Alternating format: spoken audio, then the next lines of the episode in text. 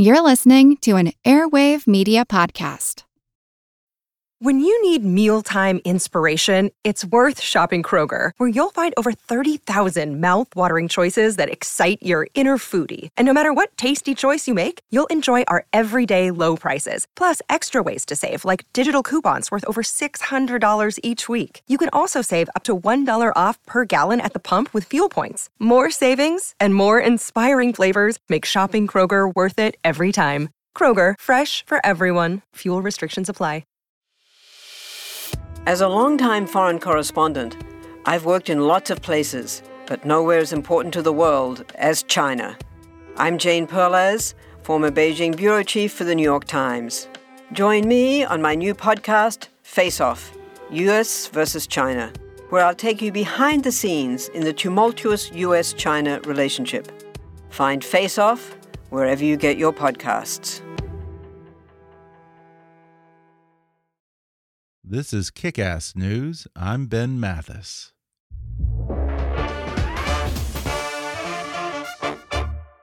Hi, I'm Ben Mathis. Welcome to Kick Ass News. I don't know who first said there's more than one way to skin a cat, or for that matter, why anyone would want to skin a cat, but it could have easily been my guest today, cartoonist and scientist Randall Munroe. The number one best selling author and creator of the webcomic XKCD is used to his fans asking him questions that usually begin with what if or how can I, and he responds with outlandish but thoroughly researched and scientifically sound answers for how to accomplish just about anything. Now he's taking it to the next level with a book that finds complex solutions to everyday tasks. It's called How To absurd scientific advice for common real world problems. And today, Randall joins me on the show to explain how to use elaborate scientific theories to do everything from sending a package to moving a house. He discusses how he went from being a NASA physicist to a cartoonist on the web, and he says there are actually a surprising number of physicists turned cartoonists. In fact, there are a surprising number of physicists turned cartoonists who share his birthday. Randall reveals the biggest hurdle to building a molten lava moat around your home, how to throw a coin or just about anything across a river, and how Serena Williams takes down a drone. Plus, fishing with electricity, why scientists still haven't figured out how ice works, and why the U.S. military once nuked a bunch of beer cans. Coming up with Randall Munroe in just a moment.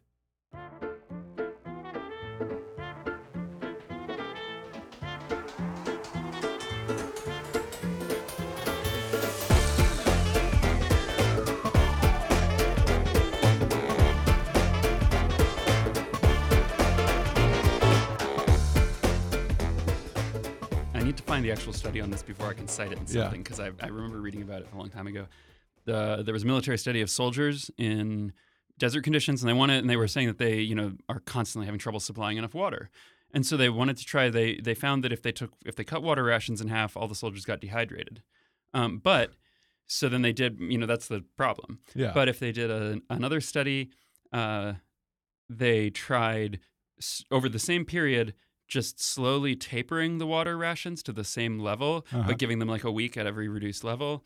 Um, by the end of it, the soldiers still got exactly as dehydrated because you can't like learn to not need water. Yeah, you know. So funny. it was like huh. like you need a certain amount of water, and there's no like trick to, you know. Well, if you do this, you can get by with. You know, it's like yeah. no, you just you just need, your body needs you water. Need you, can't, water. you can't you can't science your way out of that one. well, let's tell the folks who All you right. are. Uh, this is Randall Munroe. He is a former NASA roboticist who left the agency in 2006 to draw comics on the internet full time. He's the author of the number one New York Times bestseller, What If and Thing Explainer, and the creator of the science question and answer blog, What If, and the popular webcomic, XKCD. Now he's written a new book described as the world's most entertaining and useless self help guide.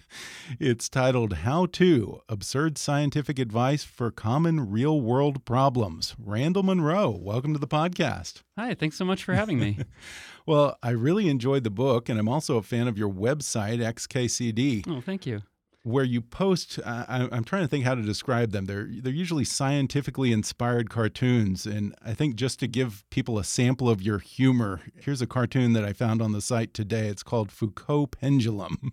I don't know if you remember that one. Mm -hmm. And admittedly, a podcast is you know, an auditory medium is not the best uh, platform for a cartoon, mm -hmm. but the first panel uh, presumably takes place in a science museum and you have one of those Foucault pendulums, which people probably know as the pendulum that knocks down the little pegs. Mm -hmm. And there's, uh, I guess, a museum docent or something is taking a tour group through and says, This Foucault pendulum demonstrates Earth's rotation. It stays in a fixed plane where the Earth rotates under it.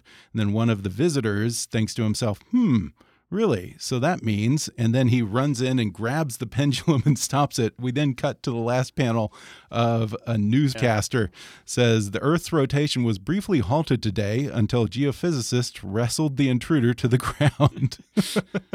so that's the kind of stuff that we're dealing with here.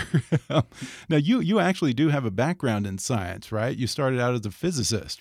Yeah, I did a degree in physics at uh, Christopher Newport University in Virginia, um, an undergraduate degree and then uh, and then from there I started working on uh, robots at na- the nearby NASA Langley Research Center. Wow, that's pretty cool. Was that a fun job? Oh yeah, for sure. It was really fun. I um, I started out with a summer internship, which uh, I think I found a flyer for it, and you know I wasn't always the greatest student, so I was like, oh, this is probably a thing I'm not qualified for. Yeah. Uh, and I think it turned out literally no one else from my college applied. Really? So huh. you know, you never. I guess my that's a life tip. You never know. Uh, apply yeah. for random stuff. Yeah, yeah. I didn't think NASA still used flyers for recruiting. yeah, no, it was interesting up up in the the engineering and uh, physics department. Oh, funny. Now, what led you to quit that and go into cartoons? Well, it was sort of an accident, uh, mm-hmm. and it was also you know NASA kind of helped me a little bit. Uh, I don't know if if so. I was working on a contract basis, and I had to like convince them to give me a new contract. You know, or, uh, every like 90 days they would be like re-upping my contract for the project I was working on. Okay. And so then when the when they uh, the funding for that project, you know, they were like, we're gonna we're gonna we're gonna stop doing this contract.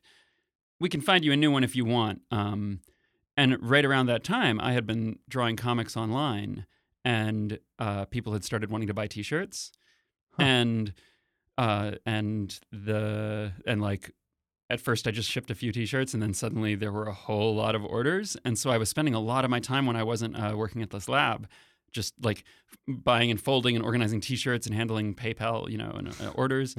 and uh, and then I realized like, wow, I'm actually I, ha- I might I might be making more money if I stay home at this point. Really, um, off of T-shirts? Yeah, it was. It was you don't really license lucky. your cartoons, right? No, I mean you don't uh, syndicate them. Uh, no, no, the news. Right. Well, so I grew up reading things like Calvin and Hobbes and mm-hmm. you know The mm-hmm. Far Side, and those were big influences in me. But I knew about like the the fights that they would have with the syndicates and how like mm-hmm. you know Bill Watterson famously uh, the author of Calvin and Hobbes had like long fights with the syndicates over licensing and merchandising and he had very strong principles about you know and and uh, and uh, you know, I feel like people in comics really admired him for you know standing up uh, and having that fight, but also like the fact that he had to have that fight made yeah. newspaper cartooning sound like oh wow, you know, yeah. like he shopped his comics around for five years before he found someone who would put them in newspapers.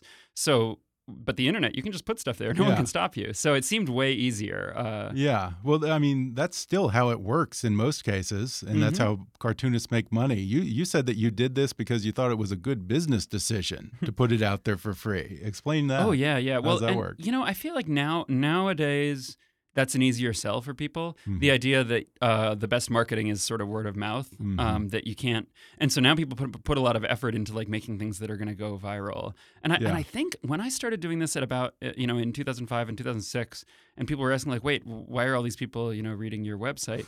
I I, I don't think I had a term for uh, for that. I don't yeah. think the term going viral. Maybe was, you invented the term. No, no, definitely no. But um, because I remember trying to explain, it's like, yeah, no, I didn't buy ads anywhere but like, if someone likes something and they send it to mm-hmm. someone else, and then the, everyone sort of does that, it yeah. it can grow really fast. So instead of having to like shop it around for five years, I went from like posting comics online to like doing comics full time, uh, you wow. know, in under under a year. And which, this was before social media really caught well, yeah, on was, and that kind of thing. Yeah, and, what it were was, you, they emailing Yeah, no, I mean there, there were all kinds of places people hung Mhm. out online, um, Yeah. all kinds of Chat rooms forums, chat Yeah, rooms. Yeah, I mean forums. at the era of AOL Instant Messenger, Yeah. I was Oh, in yeah. that. But it was a lot of it was just being in the right place at the right Mhm. time. You know, like that. Yeah. It, it. I was just really lucky. I was doing comics about stuff that people were looking for comics about right then. You know, and yeah. and uh, so like I don't know. Uh, people are like, "What should I do?" Uh, uh, you know, if I want to be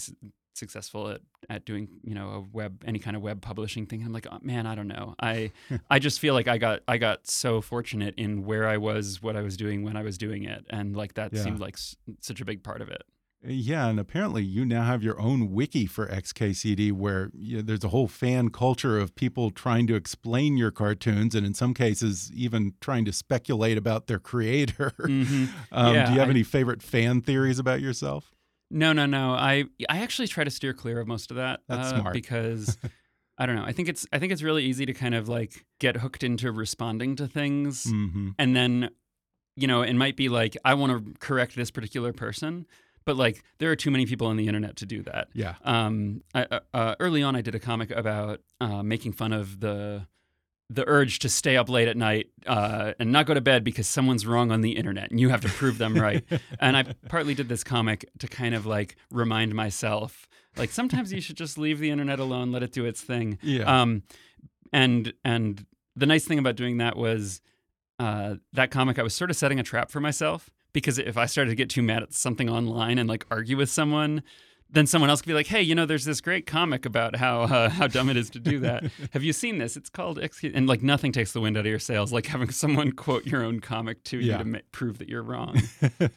yeah, it's interesting because we're living in this time where science is just getting so politicized and so confrontational, and, and in some instances, maybe rightly so, because we are facing some serious problems that we have to tackle, and some people just want to bury their heads in the sand. But you generally avoid being too preachy about science and getting into those arguments. Instead, usually opt to let your work speak for itself. It makes me think of the the cartoon that you did, the wonderful infographic uh, about the history of global warming. Mm-hmm. Uh, do you think that's a better way for science to win over hearts and minds, or, or mostly minds? I guess we're going for minds, but Well, I mean, I don't Yeah. know if uh,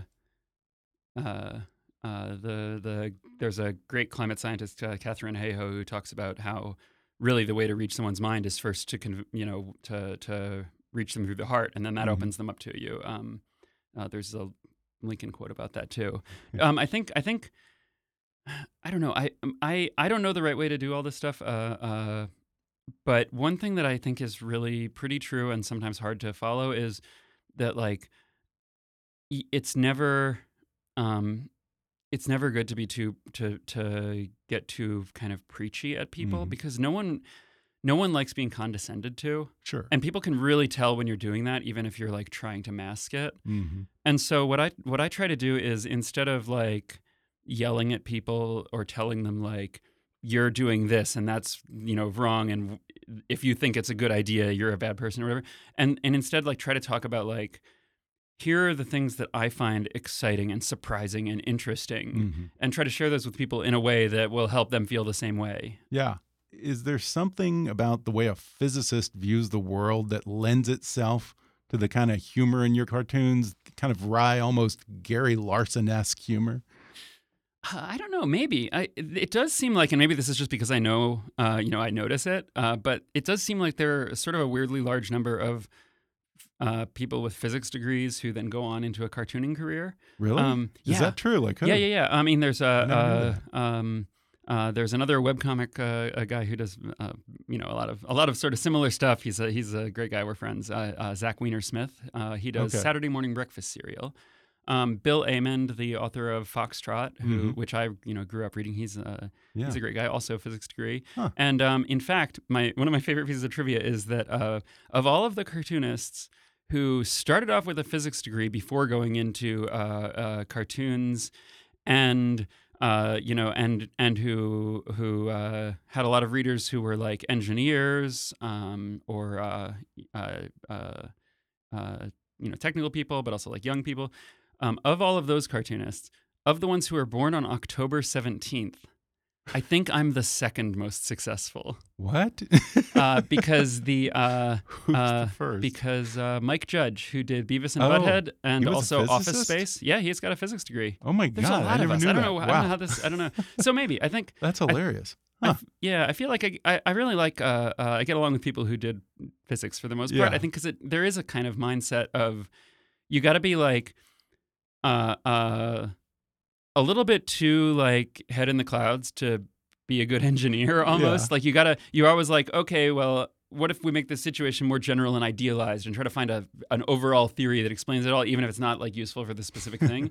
but then like if you go too far in that direction, you go into like pure mathematics Mhm. and you start doing like algebraic geometry or something which has like like nothing to do with Yeah. anything. I'm not not to insult any algebraic geometrists out there, but uh but like so it's people who like wobble back and forth between the practical Yeah. and the theoretical. Mhm. So maybe there's maybe there's something to that. Yeah. Now, I imagine that you would probably be the first to admit that you're no Michelangelo.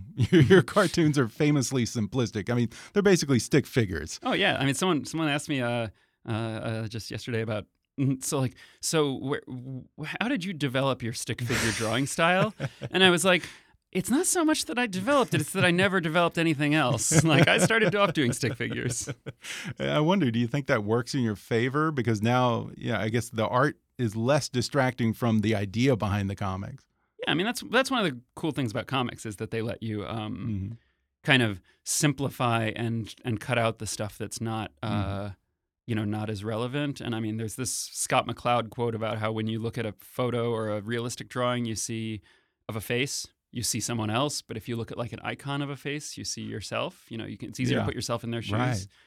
Um, and yeah, and I think I think that simplicity can can can really be a good thing. I mean, but it's also Mm-hmm. like I sure hope it it can be a good thing because uh, because that's uh, that's what I've learned to draw. But no, I like the and the comics I grew up reading. Um, you know, I, I draw these simple stick figures, but like, and so it's like, oh, it's just a few lines. But then, like, I look at like Peanuts, you know, the Charles Schulz strip, and the number of lines in those strips is like not not that. It's like so few of them. He just Yeah. he just knew exactly where to put them, and that's really Yeah. impressive. Yeah. Who were the Yeah. cartoonists that you grew up admiring? I mean, you mentioned Um, Calvin and Hobbes. Yeah, well, I feel like that's the big one. That was, Mhm. you know, I was just at the right age. It was that was the first comic I ever read. I remember pulling a book off a shelf Really? and being like, "Oh, what's this?" and Huh. Flipping it open and trying to understand the panels. You yeah, know, me too. I think it was one of the first to that and Far Side. I think I Far- read some of the old Peanuts cartoons. Far Side's great. yeah. No, I re- and I read, um, you know, but I just read everything in the library under that comics Yeah. section. You know, I, I I never read any of the like Marvel and DC kinds of Mhm. comics. I never and and the Japanese comics. You know, a lot of cartoonist friends grew up, you know, reading those. But for me, it was mostly, um, Yeah. I mostly read newspaper comics. Before we get to the book, I have to ask, what is XKCD? Is that an inside joke or something? No, I noticed. I noticed early on with the internet that you uh, you have to pick usernames, and I Mhm. started out using uh, uh, AOL in 1993. Uh, when my family got an account, and I had to pick a name, and so I was like picking names based on whatever I was interested in at the time. So for a while, I would like use the username uh, Skywalker Four, and then I got really into the end. You know, there were three other people who. I mean, that's amazing Skywalker. that you were number four. Oh yeah, yeah. I mean, there were people who got all kinds of. I, I was then Animorph Seven, um, and I did a few other, uh, you know. But like every time I like got into a new book series or a new like thing that I was excited about Yeah. and wanted to, um, I would pick a new name. But then I realized that's starting to get confusing because you got to make names Yeah. on a couple of different places. yeah. And I would try to pick a name that sounded cool, but then a few years later, like something that sounds cool to an 11 year old does not sound cool to a 16 year old, you know, and then, and then it continues like this. So I was That like, you know have re- frustrated your friends. well, exactly. That's the thing. But I don't want to change my name because they all know, you know, how to reach me that way. And I so I realized when I was a teenager, I was like, wait, if we got to pick names for things, I might be stuck with this for a really long time. Um, I want something that doesn't have any meaning that I'm going to get tired of. And that's really short because I'm going to be typing it on a bunch of places, Uh-huh. and it'll be an, it'll be cool to have like a short username because you know if everyone they run out really quick, Yeah. you know, you have, uh, and so and I decided I wanted something that like it would just be a string of letters and it wouldn't look like it was trying to it wasn't a word, it wasn't Okay. an acronym, it wasn't something you're supposed to pronounce and then I I wanted to make sure not to include any letters that would be ambiguous if you wrote them like lowercase or up. So like no I's because they look like a like capital okay. I and okay. lowercase that's L. A, yeah, that's a good idea. No O's because they can look like zeros. But then of the remaining letters, then I just like tried to find a combination that I could like take as mine, and that would be like Yeah. my spot in the space of all strings of text. And in addition to XKCD, you also have this fun blog called What If, where you answer questions such as How long would it take to slide down a fireman's pole from the moon to the earth? Is that kind of where you got some of the ideas for your new book, How To? Yeah, I was really surprised when I started doing comics that people would write in with their questions uh, Mhm. for me to answer, uh, like science questions. But they always sort of said, like, me and my friend have been having an argument about this, but it seemed like too ridiculous to bother a real scientist about.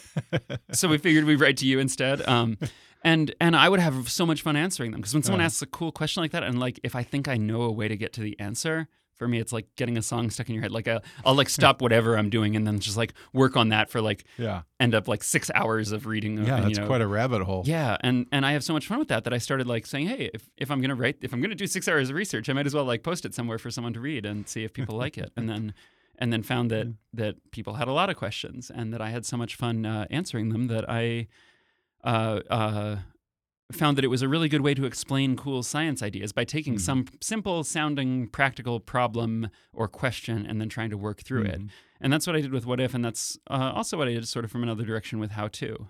Uh, Yeah, How To is sort of the opposite of your last book, which was Thing Explainer, in which you, I think, took the the thousand most common words in the English language and used them to explain incredibly complex concepts. How To, on the other hand, kind of flips that on its head, and you take generally simple tasks like taking a selfie, uh, sending a message, and that kind of thing, and you find more and more absurd and elaborate ways to accomplish these things. It's sort of a Rube Goldberg type thing, huh? Yeah, I'm always good at coming up with ideas for solving some problem that uh, I'm convinced will like in the long run this will save time once we get it working, even though it seems complicated now, and it like always ends up taking more time Yeah. than the original like the normal way would would. Um, but yeah, I, I with this I tried to think, okay, I'm going to take these simple tasks and try to think outside the box. Think of like the weird ways you might try to do it, Mhm. and then figure out whether they're really a bad idea or not. Yeah. And like they're almost always bad ideas but uh, it's it's it sometimes it surprises you, or sometimes you find that something you thought was a bad idea uh, has uh, has actually been tried or might actually work. We're going to take a quick break, and then I'll be back with more with Randall Munroe when we come back in just a minute.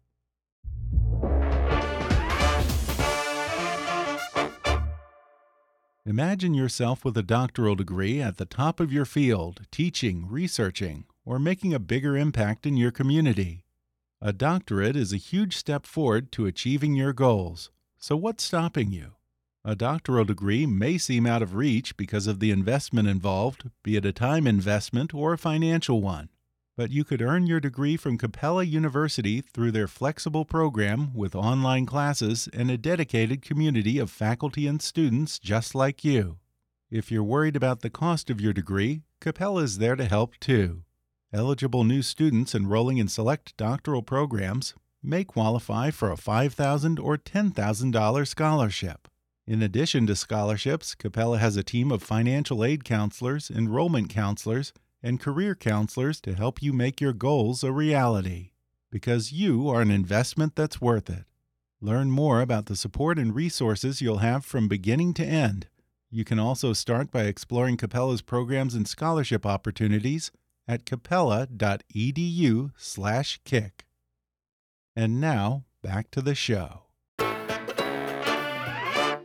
A lot of these ideas sound ridiculous, but sometimes I guess you really never know till you try. I mean, a lot of scientific discoveries and inventions probably sounded ludicrous at the time until someone actually thought a little deeper on the problem and Yeah, just decided not to accept that something was inherently impossible. yeah, or just tried something ridiculous uh, uh, just, Just to out see what would curiosity, happen. yeah. I mean, like antibiotics have like revolutionized medicine, Yeah. and but like if you told someone, I'm going to take this mold and then I'm going to smear it on this cut that I got, you know, like that that definitely sounds like a bad idea. Yeah, Um, yeah, no but then like kidding.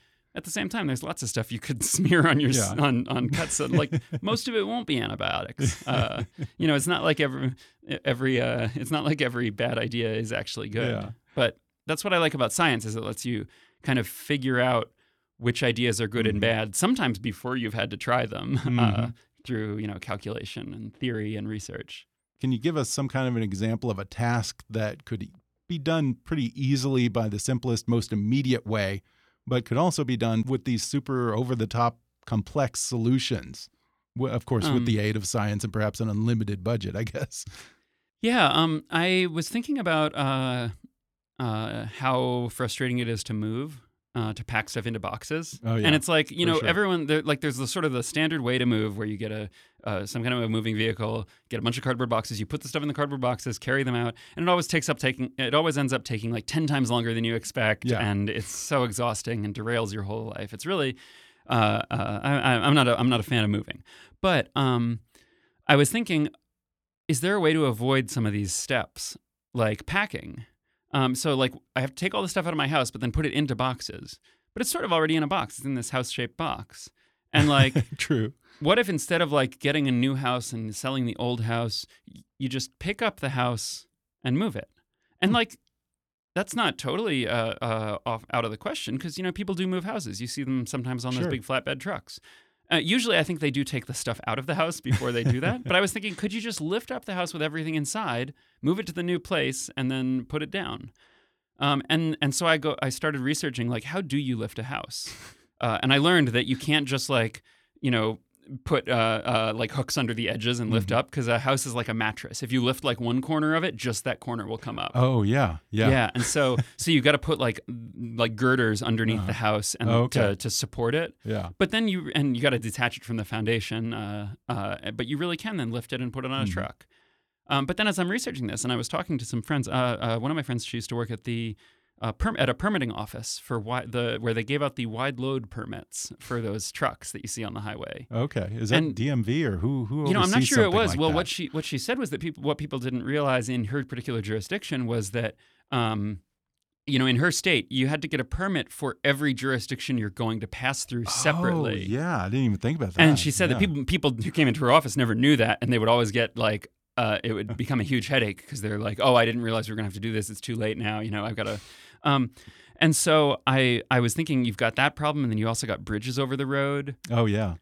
And I was thinking about that jurisdiction question of like you're going to pass through all these different towns. Um, and then I realized, you know, up above all the towns is are the different classes of airspace. Oh right. And yeah. airplanes don't have to get permits to pass through towns. True. They're all under the jurisdiction of the FAA. So it got me thinking, could I skip that whole permit process by lifting the house up into the air, flying it sideways, and then coming back down? Um, and so uh, you know, and I was, I, and then and then it's like, so obviously that's not a good way to move. You know, I was Right. I was like, I know that. well, you can't do that with an ordinary helicopter. Well, that's you? what I was thinking though. I was like, okay, that's not a good way to move, but if you wanted to, could you? And that I could, I had, I couldn't rest until I knew the answer. And so I found out about these. Uh, uh, I went and looked at like heavy lift helicopters to see uh, if uh, they could uh, they could lift a house, and like they they couldn't lift the house I grew up in. It was too heavy. um, and so, but then I was thinking, well, you know, it's it's not that much heavier than their capacity. So if you got two or three or four helicopters, they could all lift it pulling together. Okay. But then I was thinking, well, okay, you got a whole bunch of helicopters attached to cables pulling on your house. Yeah. Like it's like a, a handful of balloons on a strings. Yeah. So you gotta keep yeah, the It's like being from- drawn and quartered. Yeah, and that's like, well, you have to keep the helicopters from colliding with each other, Yeah. but they all have to kind of go upward. Um, and then I thought, okay, well, what if you attach them all together into one giant helicopter with like rigid things so that their Okay. blades are far enough apart they don't collide, and then they could lift together.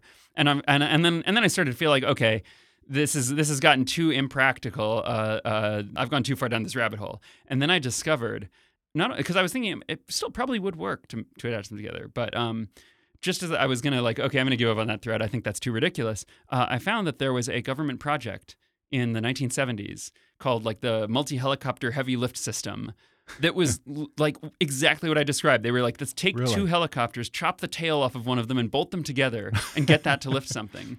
And uh, and they uh, this this project there's a 150 page report on it where they go over all the details. Uh, uh, and it ended up that one ended up not getting funded. Um, although I just learned Yeah.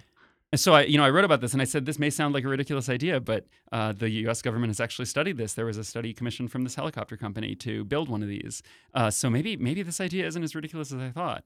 On the other hand, it never got funded, so Yeah. maybe it was. I mean, Um, there, it seems like there are very few absurd things in a book like this that haven't at one point been thought of by the U.S. military. Yeah, the the Cold War was a weird time. Let me tell Yeah. you, there was a whole series of nuclear tests where they they bought uh, uh, uh, packaged soda and beer from a like a local convenience store.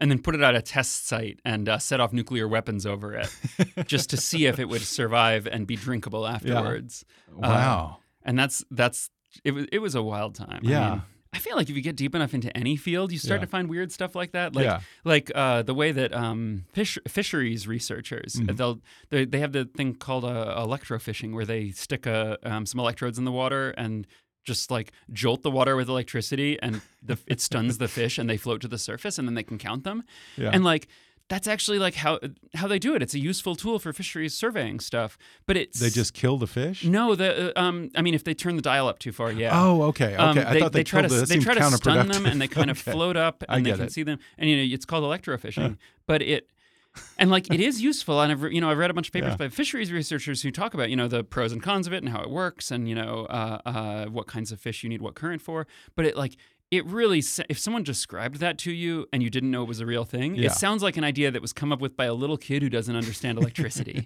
Yeah. like i'm going to just take this toaster and drop it in the water and that'll zap all the fish and then i can save time with the Yeah. fishing rod you know like no that's not how that works but it turns out it is how it works I, I love that kind of thing Yes, and some of these are just straight up Bond villain type stuff because uh, there's one chapter here on how to build a lava moat around your house. What's the biggest hurdle there? Is it? I, I would. I initially assumed that it would be how do you keep the lava molten because it's constantly cooling, isn't it, when it's exposed to the air? Or, Yeah. Or cooling the house. I mean, yeah that's another yeah issue. i mean i mean the lava um lava puts out a lot of heat and Mhm. so i actually had a friend who had ants coming into his house uh, and he was really frustrated by them because it's hard to get rid of them and then he uh, and he you know lived out in the woods and he was like i can't i can't you know they're they're they're always coming in from the you know all around uh, but i can how, would it cost too much if i just wanted to put a moat of uh, molten lava around my house and um and so i started trying to calculate the cost for him and uh and yeah the the big the big problem is heat loss off of the lava Mhm. so you've got to supply Sure. enough heat to keep it molten it's not just getting the lava there it's like it's going to cool really quickly Yeah. you know a red hot stove you turn off the stove it stops being red hot pretty fast Yeah. um and so so soon the lava will cool down and you'll just have kind of a weird lumpy sidewalk and so you got to keep supplying heat uh, through some kind of heating mechanism. So if you if you figure out the uh, the heat it's like there are papers on surveying lava flows and it says how much heat flows off per square you know square meter square foot square whatever of lava. And you can just take that and and uh, you know you got to supply that much heat from the bottom to keep it balanced you know the the it's like a conservation thing and so you just look up the price of uh, the price of gas heat, the price of electricity, and uh, and do some simple division. And so I like he texted me about this, and so I texted him back. Okay, I found a paper on this. It looks like for the house you're talking about, that's going to be about uh, twenty five thousand dollars uh, a day. Okay. I mean, there are So- certain tech tycoons who could actually afford yeah, that. yeah, it was definitely outside my friend's price range, but Yeah. um, but it's also I, I was surprised by how low that was. You know, Yeah, I was thinking it was going to be a lot more, but it's like there there are a lot of people who uh, who could afford that, and um, some of them do kind of seem like the lava moat types. So yeah. Uh, I, I think Elon Musk would totally go for a lava moat. yeah, what what honestly the the hurdle that I I was kind of curious about, I didn't I didn't ever get a, a straight answer because this also varies from jurisdiction to jurisdiction. But if I go out and try to build a lava moat in my uh in around my house, like definitely a bunch of uh, authorities are going to be unhappy about that. Like no question. Yeah. At the very least, like whoever comes to read the meter is going to be like a little frustrated. You know, the FedEx people trying to deliver packages. But um, but who would like actually tell you you had to stop first? Like or like like who Yeah, who what- actually has the agency or jurisdiction over that? You know, is that? it Yeah. is it the fire department? Like they maybe be Okay, called in to put out sense. the lava moat, but like, do they actually? You know, is it against the fire code? You know, who is Yeah. it against? The, is it the zoning board, or would it just be like Yeah. the mayor would just show up and be like? Come on. You might be able to get People. away with that. You just say, "Look, show me where it's not." There's no there's no rule in the books that says you can't have a lava moat. There's nothing that Yeah. says a dog can't play basketball. Yeah, exactly. Yeah, I'm a, I'm a big fan of Air Bud theories Yeah. of uh, of of of uh, of law. Well, speaking of that, there's a chapter in here on how to stop a drone using sports equipment. Uh, apparently, a lot of government agencies still haven't really figured out the best way to catch a drone with if it has explosives attached. You got a little bit of help from, of all people, Serena Williams. How'd you get her to test that out, and how'd she do? Oh, well, as usual, it started with I was go- going down a research rabbit hole because I was looking at you know there are all these different ways to to you know catch drones that people have tried. Some of them are Mhm. better than others. Uh, uh, but I started thinking about like if you got one of those wedding photography drones floating over your yard and you don't have a fancy anti-drone piece of equipment and you're just gonna like throw stuff at it, like what's the best thing to throw? And I started comparing all these different pieces of sports equipment to see how accurate they'd be. And there are a lot of studies in sports medicine and sports uh, physiology about about the accuracy of pro players in different sports. And so I was I got to compare like is a baseball better than a basketball? And I could do that by like looking at free throw percentages in basketball and the range to the basket versus like uh, the spread of a, of a pitcher in baseball because they've got all the strike measurement stuff. And then in some other sports, it's they don't have as many uh, uh, as many as much data from the play, but uh, there are studies where they'll have pro players just like kick a soccer ball at a target on the wall and measure like the the the distribution Huh. of where it hits. So you got a lot of data. Yeah, so I had all this data, and so I was plugging it in to make this model, and um, and I at the same time, uh, uh, but I couldn't find good data on tennis players, and like it's, it might be out there, but I couldn't find a. I was like in the middle of like searching for a paper on tennis players hitting balls at targets that were up on the wall. There was one on hitting at the target on the ground, a couple others, but I wanted to, you know, something that would be good for the model for shooting at a drone, Mhm. and and um. And I had texted way way back like ten years ago with uh, Serena Williams' husband because he helped with when I published my first comic collection. No kidding. Um, yeah, yeah, uh, uh, Alexis Ohanian. Um, and and you know then and then I had you know I, I I'm in touch once in a while and he he had texted me about something, and I said you know it's funny. Uh, uh, uh, funny you should text. I'm in the middle of like reading a whole bunch of papers on tennis player accuracy uh, for this book I'm working on. Uh, and he texted back, well, oh, hey, if there's any way we can help out, let me know, you know, uh, uh, send us a message. So I was like, well, uh, you don't, you don't turn down an opportunity like that, you know? So I was like, uh, so I, I asked if, um, uh, I asked Serena if she would be willing to, like, I, I knew she's super busy, so I didn't want to like impose. Um, and I was just happy that they were going to contribute some data. So I, I asked if she could, uh, uh, if she would be willing, like when she's going down to practice or something, uh, to just stick something to a wall, like a target, like a piece of masking tape, whatever, and then stand some distance away and serve a bunch of tennis balls at it, trying to hit it as close as she could. And if they can just, even if they just videotape the balls hitting the wall in some way where, it, you know, I can see on the video how far away it was. You know, maybe take a photo with a ruler up there. I would I would do all the work of like figuring out what, you know, the accuracy and all, figuring out modeling all that stuff. And then I could use that to plug it into my model and figure out how hard it would be for her to hit different drone models. Um, and so I sent that, I was, but I was trying to make it as simple as possible. You know, as little, a little out of the way, a little extra work for them as possible. Um, and and but it turned out she was like, "Do you want me to just hit a drone?" um, and I was, I was like, "Oh, sure, yeah." And so they had a drone that had a broken camera that they had been playing with. Uh, you know, it was their, uh, that was her husband's uh, old drone that he had gotten, and so she. Um, so they so and it was already damaged, but it was a it was a fancy drone, you know, and they had it fly up over the court and and then she stood down by the baseline and served at it to try to knock it out of the air.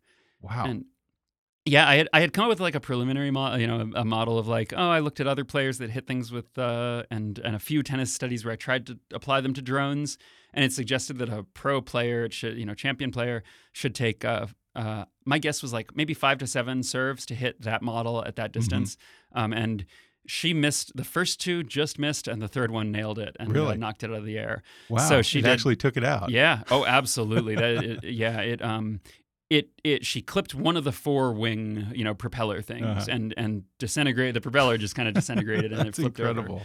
But um, What a serve. yeah, yeah, and and I don't know. So she did better than my model suggested, but Yeah. That could just be a statistical outlier. But I sort of think it's a Serena Williams Yeah. outlier. Now, did you attempt any of these experiments yourself? Uh, not really. Um, I I sort of feel like there's all the stuff that like is easy to test uh, in real life. Um, and and I st- I steer away from that stuff mostly because like MythBusters does that really Mhm. well, you Yeah, know, and it'll yeah, be fun. true. And and there's a lot of YouTube videos of people trying stuff. And so I like to think about the stuff that's maybe uh, harder or less practical to test, um, like attaching helicopters together. Yeah. Although it turns out several other people have done that too, um, which I'm delighted by. But yeah, I I did. Um, there was one case when I tried to come up with a model for how throwing works. You know, I wanted to do how far you can throw stuff. Um, yeah, it was based off of some legend about George Washington. Is yeah, that right? There's Throwing there's a, story coin? that he threw a coin over uh, some river, and they it's one like with a lot of these stories about George Washington, people just seem to really like telling stories about him. So it's not clear like where it most of these started circulating after he had died, and people were like, oh well, you know, I once heard he did this. So like sometimes the river's the Rappahannock, sometimes it's the Potomac, which he definitely couldn't have thrown something over, you know. Um, but uh, but whatever it was, everyone agreed he was a big, strong guy who liked throwing stuff. um, uh, so he, yeah, and so I was I, I was trying to think like how can you calculate how far you can throw something, uh, and I was thinking about the different sports equipment and different uh, projectiles, and I realized, and this is the physics thing talking, where you come up with a simple model because it's uh, it might not be as precise, but it's still really uh, uh, cool that you can get answers. I just said, okay, I don't know what someone does when they throw. Some sports thing happens, you know, Yeah. something athletic happens, but I know that they're going to be applying force over a certain distance to this ball to get it going from not moving to moving however fast it is when they release it. And so I looked at like the metabolic power that people are capable of putting out and then assume like they're pretty good at focusing that power on the ball somehow when they throw, you know? Like people Mhm. people and and and people seem like, you know, you they always say throw with your whole body, you know, you got to have follow through. You got to So it's like, okay, what if you just plug in here's how much uh, metabolic power people can output when they're doing a hard athletic activity, um, like rowing or something because they got and, or cycling. And it's about like for an athlete, a superb athlete, it's like 20 watts per kilogram of body weight. For a more like Okay. n- normal in shape amateur, it'd be more like 10. Yeah. And then if you just assume that power is applied over the distance that they're like the length of their body, you know, like a pitcher, your arm span's about the same as your height. So if it's like five feet, six feet, you know, you're going to apply that that much power, and you're going to apply it over that distance. You can work out here's how fast the ball could be going at the end of it. Um, you know, based on how much the ball weighs and uh, how much you know your size. And when I plugged that in, I plugged in that um, the weight of a baseball pitcher and a baseball, and it Mhm. said you know about 90 miles an hour.